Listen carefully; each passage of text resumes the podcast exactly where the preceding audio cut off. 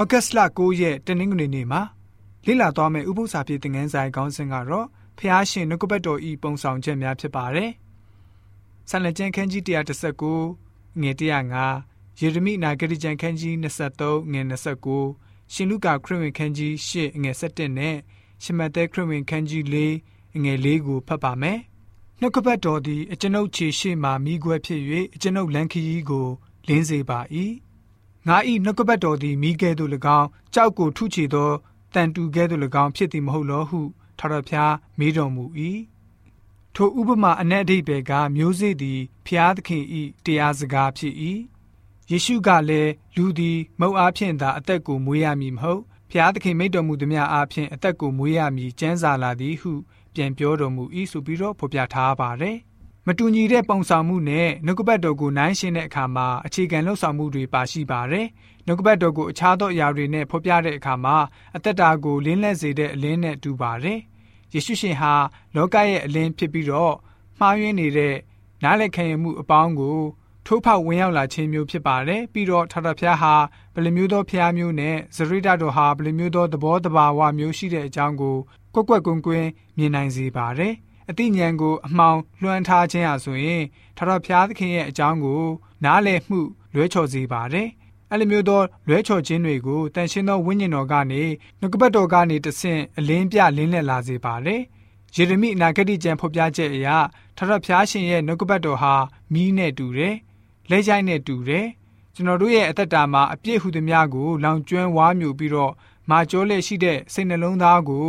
ရိုက်ချိုးခြေပြက်ပစ်လိုက်ပါတယ်။ နှုတ်ကပတ်တော်အားဖြင့်ယေရှုရှင်ရဲ့ဘုန်းတော်ကိုထင်ရှားစေတဲ့အခါမှာမာကျောနေတဲ့စိတ်တွေအားလုံးကြေမွသွားရပါတယ်။နှုတ်ကပတ်တော်မီးဟာအတ္တသဘောအလုံးစုံကိုလောင်ကျွမ်းပြီးတော့လောဘဒေါသမောဟအလုံးစုံကိုပြာကျသွားစေပါတယ်။ဖျားရှင်ရဲ့နှုတ်ကပတ်တော်ဟာလည်းပဲမျိုးစေ့နဲ့တူပြန်ပါတယ်။မျိုးစေ့ရဲ့သဘောတဘာဝအရာရှင်တန်ခြင်းကိုဖြစ်စေပါတယ်။အသက်ကိုဖြစ်စေပါတယ်။မျိုးစေ့ဟာပောက်ရောက်ကြီးထွားလာခြင်းကိုအချိန်ယူရပါတယ်။ မျိုးစေ့တစ်စစ်တစ်မျိုးနဲ့တစ်မျိုးမတူညီပါဘူးတစ်ပင်ပန်းမှန်တွေပရောက်ရှင်သန်ခြင်းမတူညီပါဘူးသို့တော့မှန်ကန်တဲ့အခြေအနေရာသီဥတုမှာမျိုးစေ့အတွင်းမှာရှိတဲ့အသက်ဟာမြေစုလွာကိုထိုးထွက်ပရောက်ရှင်သန်လာမြဲဖြစ်ပါတယ်မျိုးစေ့လို့ပုံဆောင်တဲ့နှုတ်ကပတ်တော်ပရောက်ကြီးထွားလာတဲ့အချိန်ဟာတူးတယောက်ရဲ့စိတ်နှလုံးသားမှာဖြစ်လာမယ်ဆိုရင်ရုတ်တရက်မြင်ရခြင်းမျိုးမဖြစ်နိုင်ပါဘူးမျိုးစေ့ဟာတဖြည်းဖြည်းချင်း တိုးထွက်ပေါက်ရောက်ရှင်တန်လာပါတယ်။ဖျားရှင်သတ်မှတ်ထားတဲ့အချိန်အရ